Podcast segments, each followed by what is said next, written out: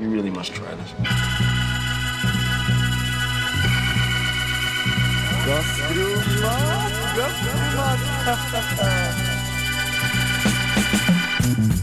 Hei, hei, hei, og velkommen til eh, Gastromat. eh, Det programmet som gir deg mest eh, mm, følelser på Radio Revolt, kanskje. Eh, vi spilles på FM 100. Med meg i studio er Ole Eivind Sigrud. Og Ulf Egeberg. Og Martin Larsen er tekniker. Eh, I dag så skal vi ha litt eh, tapas-sending. Litt eh, miksa litt av hvert. Du skal snakke om noe psykadeliske greier, Ole Eivind. Jeg? Ja, jeg, jeg liker biff, og det tilbereder jeg i pose. Ja. Det er også noe man kan ha som tapas. Kanskje. Eh, Ulf skal snakke litt om ost, fordi tapas uten ost er som, eh, som så mye rart.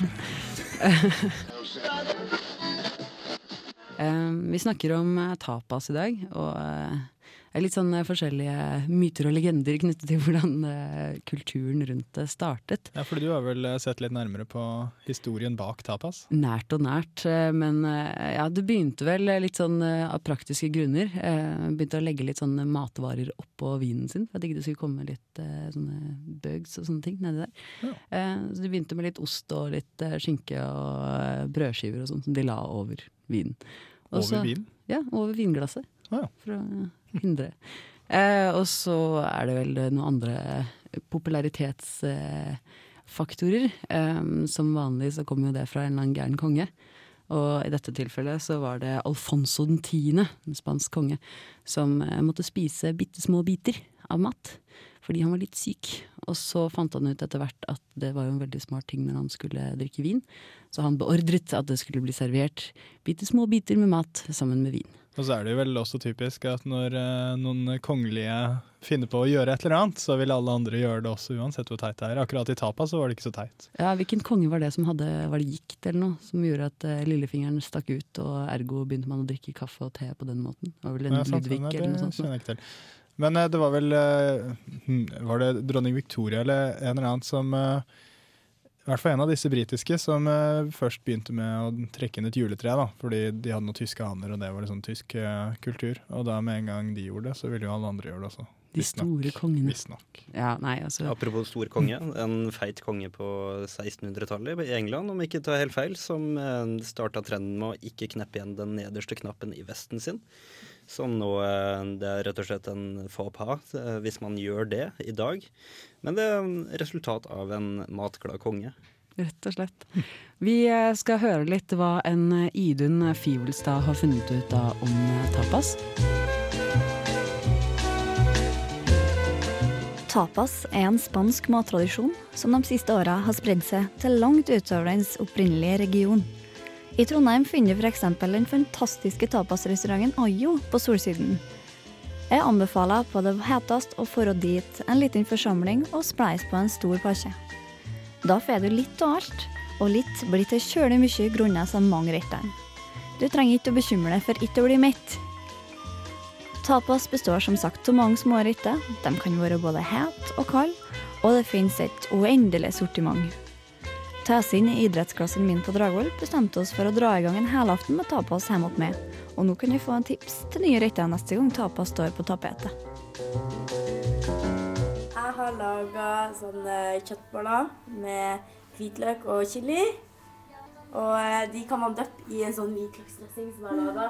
Med rømme og persille og hvitløk. Og så har jeg laga en sånn eh, risrett med eh, kylling og purre og vårløk og egg. Som jeg har stekt i panna. Ja, det ser kjempegodt ut. Ja, jeg håper det blir godt. Ja. Hva er det her for noe? Det er foccaccia med soltørket tomat og rosmarin oppå og havsalt. Er det en sånn spesiell måte du steker det på? Eller? Eh, nei, det er egentlig veldig enkelt. Du tar hvetemel og sukker og salt og olje, og så lever det en halvtime. Og så tar det på lang... Eller tar det i form, og så hever det ti minutter til, og så stekes det. Ja, yes. -mm. Italiensk brød kaller de det. Ah, herlig. Hvem er det her? Det er en quiche lorraine Eh, Fransk pai. Er det nasjonalretten, heter det? Jo, de liker vel å si det, ja. Mm. Eh, Skinke, ost black. Helt vanlig, klassisk. Ja. Hva gjør du med deigen. Jeg lager butterdeig. Mm. Mm. Sett kaldt først, og så trykker jeg ut og forsteker før jeg hiver oppi fyllet. Ja. Stilig. Men uh, det her, det har jeg aldri sett før. Uh, det der er kyllingstrimle av eh, kyllingfilet. Og det er marinert i teriyaki-saus og chilisaus og karri. Oi. Så står det kjøl i deg så lenge som du har tid til. Ja. Eh, og så eh, har du revet ost og sesamfrø og cornflakes, men nå har jeg brukt eh, nacho-chips, da, Ah. som er knust. Ja, det og så rydder det i det, og så steker jeg den. Ja. Så det her skal varmes opp en tur til nå, eller er det ferdig? Ja, det er vel smak og behag, men jeg tenkte vi kunne varme det opp litt. Ja, Herlig. Vi skal høre litt om eh, en annen eh, ting som man må ha med i tapas, og det er visst ost. Absolutt ost. Tapas uten ost. Det er som øl uten alkohol. Det er som å onanere med venstre hånd. Det er som en barnebursdag uten sukkerkick. Eller vente på nieren på vei til Dragvoll. Det er rett og slett helt for jævlig kjipt. Og vi befinner oss i Spania. Vi skal selvfølgelig ha spansk ost. Spania har mye forskjellig ost å by på, men manchego er garantert den mest kjente. Og manchego det er en halvfast ost som lages av sauemelk. Ikke la dere lure av billige kopier som avertert som ost av manchego-stil. Den ekte manchegoen lages utelukkende av melk fra manchega-sauen på La Mancha-platået sentralt i Spania, og skal lagres minimum i to måneder. Osten er perfekt til tapas siden den smaker kraftig, selv i tynne skiver, og kan derfor gi chorizo og annen krydra mat konkurranse. Skjær osten i tynne skiver, og pass på at det er noe ferskt brød i nærheten. Når du står foran ostedisken, kan du tenke på den som parmesan til pasta. Du kommer langt med bare litt per person, men det blir ikke helt det samme uten. Det dumme med smale oster som manchego er at utvalget her i nord. Skal du ha tapasfest, så er det synd å bli avspist med ost som er lagret et absolutt minimum, skjært i tykke skiver og pakket i glorete plast. Men ofte er det det eneste alternativet. Finner man en rikt utstyrt ostebutikk, eller bare en gæren spaniofil ostediskansvarlig, så finner du gjerne mange spennende typer. Milde, sterke, lagret lenge eller kort, basert på pasteurisert eller upasteurisert melk, men alle skåret fra de store ostehjula, prega av det karakteristiske hvetemønsteret på skorpa. Vi er ikke, vi er ikke snevre på, på budsjettet her heller. Det koster vel litt penger for en ordentlig manchegoost. En, en billig manchegoost er faktisk ikke verdt å ha i hus. Du må ut med lite penger. Vi er et veldig studentrelatert program, men, men man, kan, man kan unne seg den ene kvalitetsingrediensen i måneden, kan man ikke det? Det er det som er så fint med den typen ost. Det er akkurat som en eh, parmesan. Kommer veldig langt med en liten klump, og det holder til mange måltider. Det er litt morsomt også at det er så snevert hvor du faktisk skal få det fra. Da. Det er litt sånn samme som champagne. Er ikke champagne med mindre det kommer fra champagne. Ja, den, eh, det er jo eh, altså Europarådet, eh, et eller annet EU-organisert greie, de, de har jo den DOP, er det det det heter? For- Det er noe sånt, ja. Point of origin. Uh, Ja, Ja. man kan rett og slett ikke kalle det for det navnet hvis det ikke kommer fra akkurat den regionen. Og Manchego er definitivt kontrollert av det organet. Ja, Men Mm. også smaksrelatert, ikke sant. Og når det er snakk om studentbudsjetter, så er jo egentlig det en litt sånn fordel. da, det at Den osten, de stedene du får tak i det, så er det ved en ostedisk. Og da går det altså an å si at ja, jeg skal ha 50 gram ost, hvis du ikke skal ha mer. Jeg skal ha litt, det er jo sånn som du sa, at det, skal, det trenger ikke å være så mye. Det kan bare være bitte lite grann. For det er smaken det kommer an på. Ja. Sånn eh, som en anekdote så kan jeg opplyse om at på et eh, ganske bra nachspiel ved Møllenberg en gang eh, i fjor, så ble en ganske kjedelig Grandiosa rocka opp mange hakk av en vellagra manchegoost. Det gikk veldig fint. Ja. Nei, men uh, nå har du eh, fortalt litt om uh, det. Vi skal høre videre. Kanskje Idun har med ost i sin uh, tapas også. Her får du Idun Fivelstad del to av uh, tapas-teoriene. We are ready. Å nei, se! Her var det mye godt. Pølser og skinker og kjøtt og flesk. Gastromat.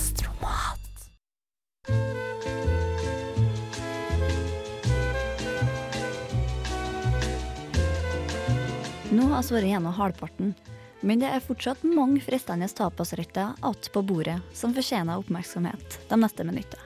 Dette er tortillalefser med spekeskinke og kremost og litt ruccolasalat.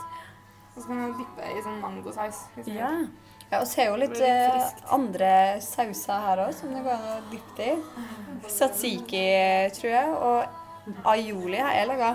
Men det passer vel kanskje bare til potet, som du da har bakt i ovnen en halvtime, som det kanskje er lurt å ta ut snart. Hvordan ser den ut?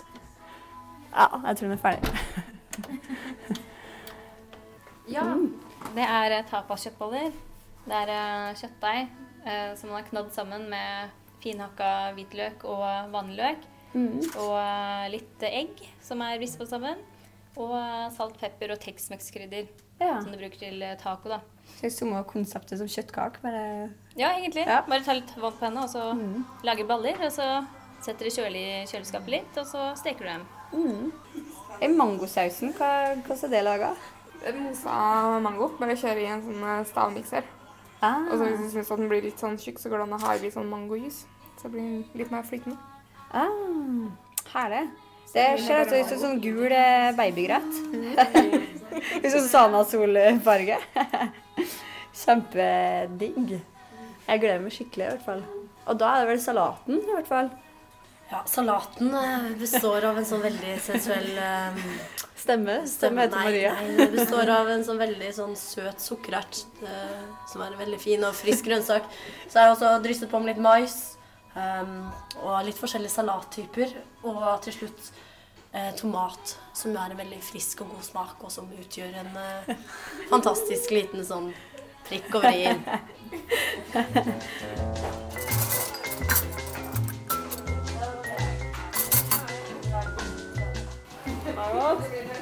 Alle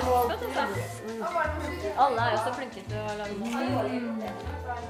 Det var så godt sammen, liksom. Alle sammen. Det var sånn så herlig blanding. Det er ikke mange studenter som spiser så mye god mat. Nei. Det var veldig lett, da. Det var jo dame med en hund her. Mm. Det var jeg enig på.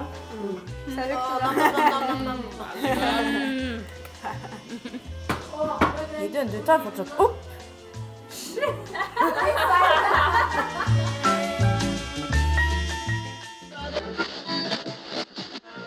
Du hører fortsatt på Gastromat, og Ole Eivind, du har en litt utradisjonell måte å tilberede kjøtt på. Ja, eh, nærmere bestemt eh, biff, da. Hvis man skal ha en, ha en ordentlig biff.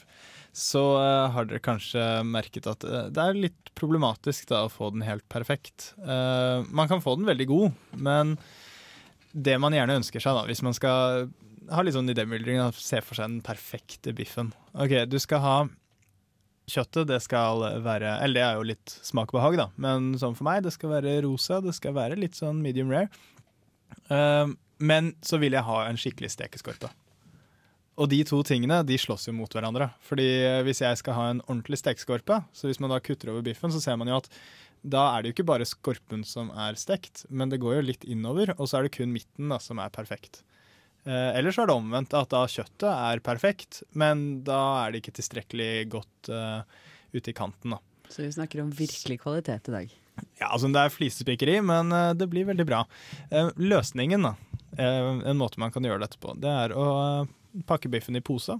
dytte ut luften. den Vakuumpakke den, altså. Dette kan lett gjøres hjemme da, med vanlige matposer, og så knytte godt til og presse ut eller suge ut luften med et sugerør eller et eller annet sånt noe. Og så lager man et vannbad.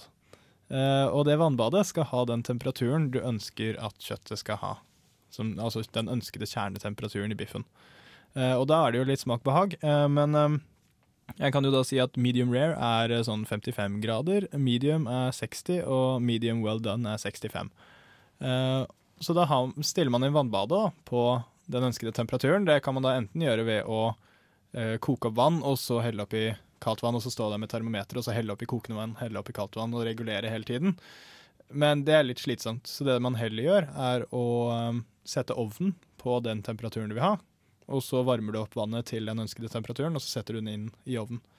Men da er det viktig å faktisk ha et termometer i ovnen, og ikke stole på det som står på ovnen. I hvert fall sånne gamle, litt slitte ovner, så har det Ja. tendens til å variere noe Nettopp. rimelig mye i eh, temperatur. Så da bare legger du den posen med biffen oppi vannet. Dette kommer jo da til å ta en god stund, men eh, den kan ligge der så lenge du, eh, du bare vil, fordi den kommer ikke til å bli for stekt. Eh, og da har du perfekt kjøtt. Og så er det eneste som gjenstår, da, er denne Maillard-reaksjonen som jeg snakket om eh, for litt siden. Altså stekeskorpen, som lager alle disse fantastiske smaksstoffene. Men det har ikke noe Og- å si at du lager den etterpå, altså? Nei. For kvaliteten på stekeskorpen? Nei, fordi da det man gjør da, er eh, man eh, Før man da tar eh, biffen opp av vannbadet, så har man enten forvarmet en sånn støpejernspanne, sånn at den er glovarm, eller så har man en blowtorch. Som selvfølgelig er mest moro. Det er morsomst. Og så tar man bare så fort som overhodet mulig, lager skorpen uten at det varmen trekker seg lenger inn i kjøttet enn bare å lage en perfekt stekeskorpe. Og der har du en perfekt biff. Ja. Wow. Og det som også er veldig eh, greit, altså, det er mye som kan tilberedes i pose. Eh, dessverre så eh, har sånn kok i posemat eh, fått veldig dårlig rykte fordi det er forbundet med sånne kjipe fjordlandsretter og institusjonsmat Som og man sånne ting. forresten må holde seg langt unna, for det eier ikke et vitamin. Nei. Eh, mens man kan eh, tilberede veldig bra saker i eh, vannbad.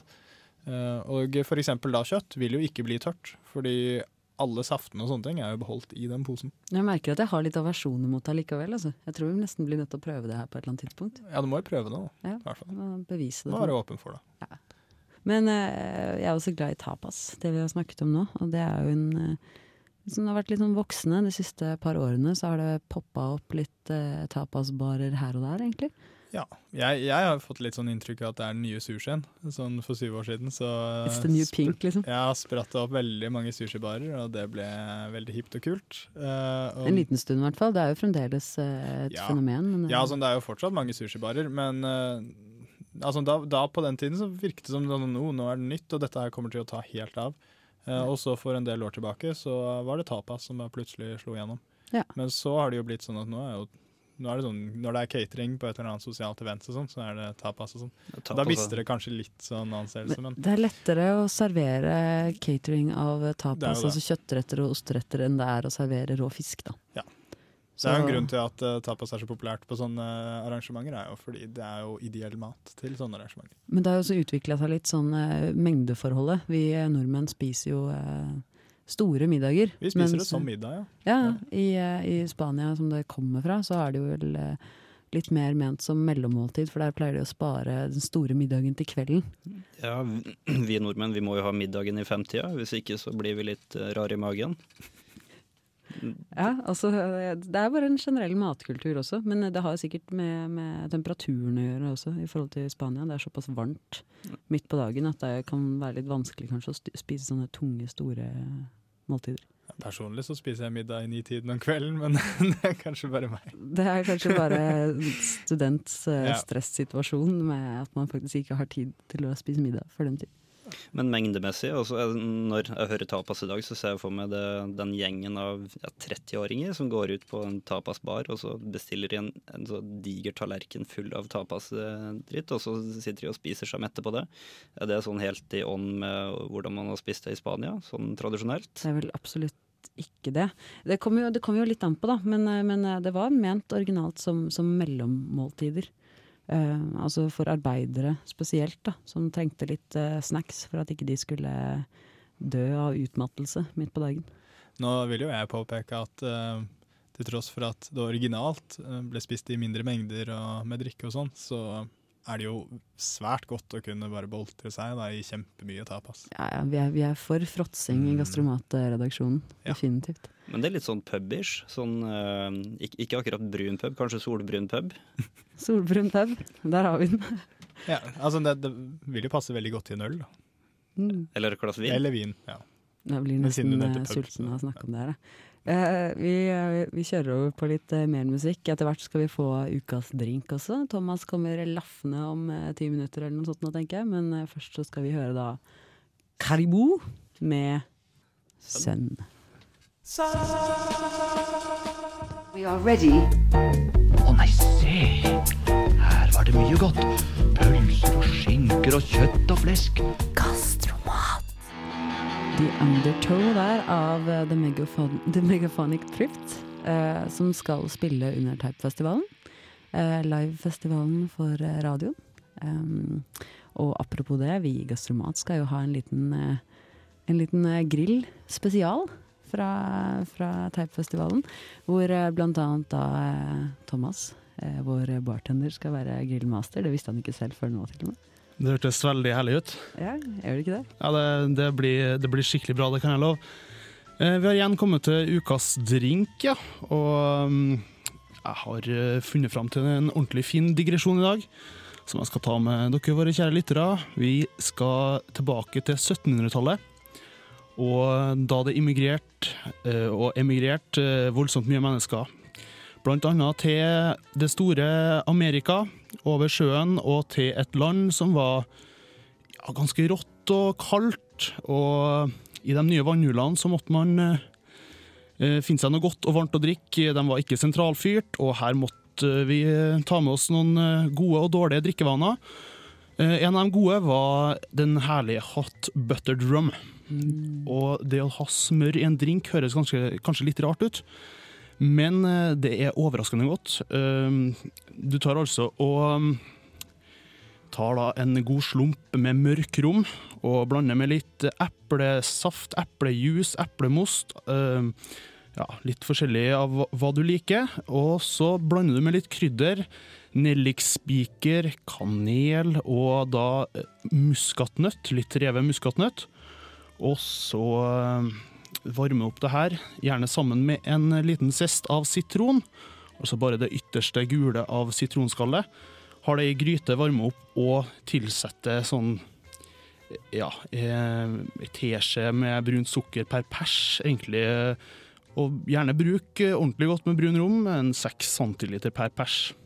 Det finnes masse gode oppskrifter på denne drinken, og en av de beste, syns jeg, det er fra vår kjære bartender Jan Vardøen, som driver så mange flotte steder i Oslo, som har skrevet den eh, tøffe drinkboka. Altså, eller Tøffe drinker, som den egentlig heter. Uh, og videre, en digresjon fra den her, for denne drinken har nemlig også avla fram nye herlige varme drikker. Og vi er jo i en sesong der eh, varme drikker virkelig eh, er noe, et must, akkurat sånn som på 1700-tallets eh, Amerika. Og um, en av dem her heter Cinnamon Warmer. Og her tar du og varmer opp et glass med eplejus per pers. Og så har du i to centiliter sitronsaft, ferskpressa sådan, per pers. Har det her i gryte, har oppi to skiver med fersk ingefær per pers. Og så har du oppi ei teskje med honning per pers.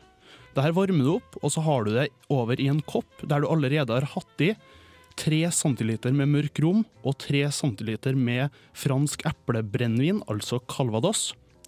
Og så har du i en ny sitronsest denne gangen òg, men eh, du tar da også og bare setter nellikspikeren i denne sitronsesten.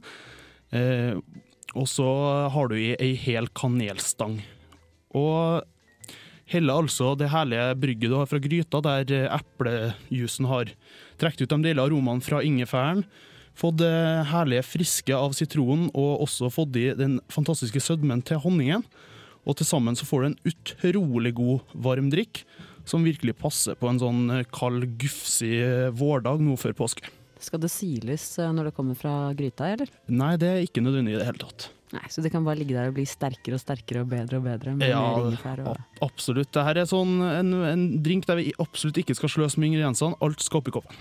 Ja, det høres jo helt fantastisk ut. Det hørtes også litt ut som eh, den der eplekakedrinken din, men det er kanskje bare fordi det var veldig Ja, både eple og kanelstang igjen. Ja, ja, ja. Det er det. Du lagde jo den når vi var på hyttetur nå. Det, Ja, med stor su suksess. Ja, det, det, det smakte eplekake, Ja. faktisk. Det, jeg ble overrasket over at du klarte å få til det på, i en så stor grad. Mange vil sikkert tenke på jul og eplekake og sånn når det er litt krydder og, og sånn inn i bildet, men eh, det her blir da også enda et tilskudd til de varme drinkene som vi har presentert eh, i Gastromat opp gjennom tidene. Mm. Varme drinker, det er, det er saker, det. Det, er Det er ikke, det trenger ikke å være bare karsk. Nei, litt alkohol og litt varm drikke, og ja, du har til og med den, også den varme koppen som du kan holde rundt og klamre deg til når tidene blir tung og det er kaldt og gufsig. Nei, eh, i dag så har vi eh, hatt litt av hvert å prate om, vi. Fordi vi har prata om eh, tapas. Det er jo en god miks av Kan være alt mulig rart. Ja, jeg, vil jo anbefale sånn dadler, der man har fjernet eh, stenen fra daddelen, og så surrer man den i bacon, og så steker man det. Så får man den der fantastiske, klassiske, gode kombinasjonen av eh, salt og søtt. Ting stekt i bacon eh, har, vi, har vi tidligere nevnt en liten forkjærlighet for her i Gastromat, egentlig. Um, jeg vil gjerne anbefale ved siden av det asparges eh, wrappet i, eh, i spekeskinke. Ja. Tynn, tynn spekeskinke. Det er også ganske fantastisk godt. Det kan jo dyppes i litt forskjellige dypper. Aioli blant annet er jo klassisk. Ja. Mm. Litt eh, artisjokker kan man bruke, og litt sånn forskjellige ting. Det er bare å eksperimentere, egentlig. Snacksmat, fingermat, eller tannpirkemat, avhengig av hvordan du vil. Um, vil gjerne takke tekniker eh, Martin Larsen for hans eh, dugende arbeid i dag. Eh, så vil jeg takke Ulf, min eh, kompanjong i Gastromatredaksjonen. Ole Eivind, fantastiske matkjemikeren vår. Selv takk. Og Thomas, vår habile bartender. Tusen takk. Bare hyggelig.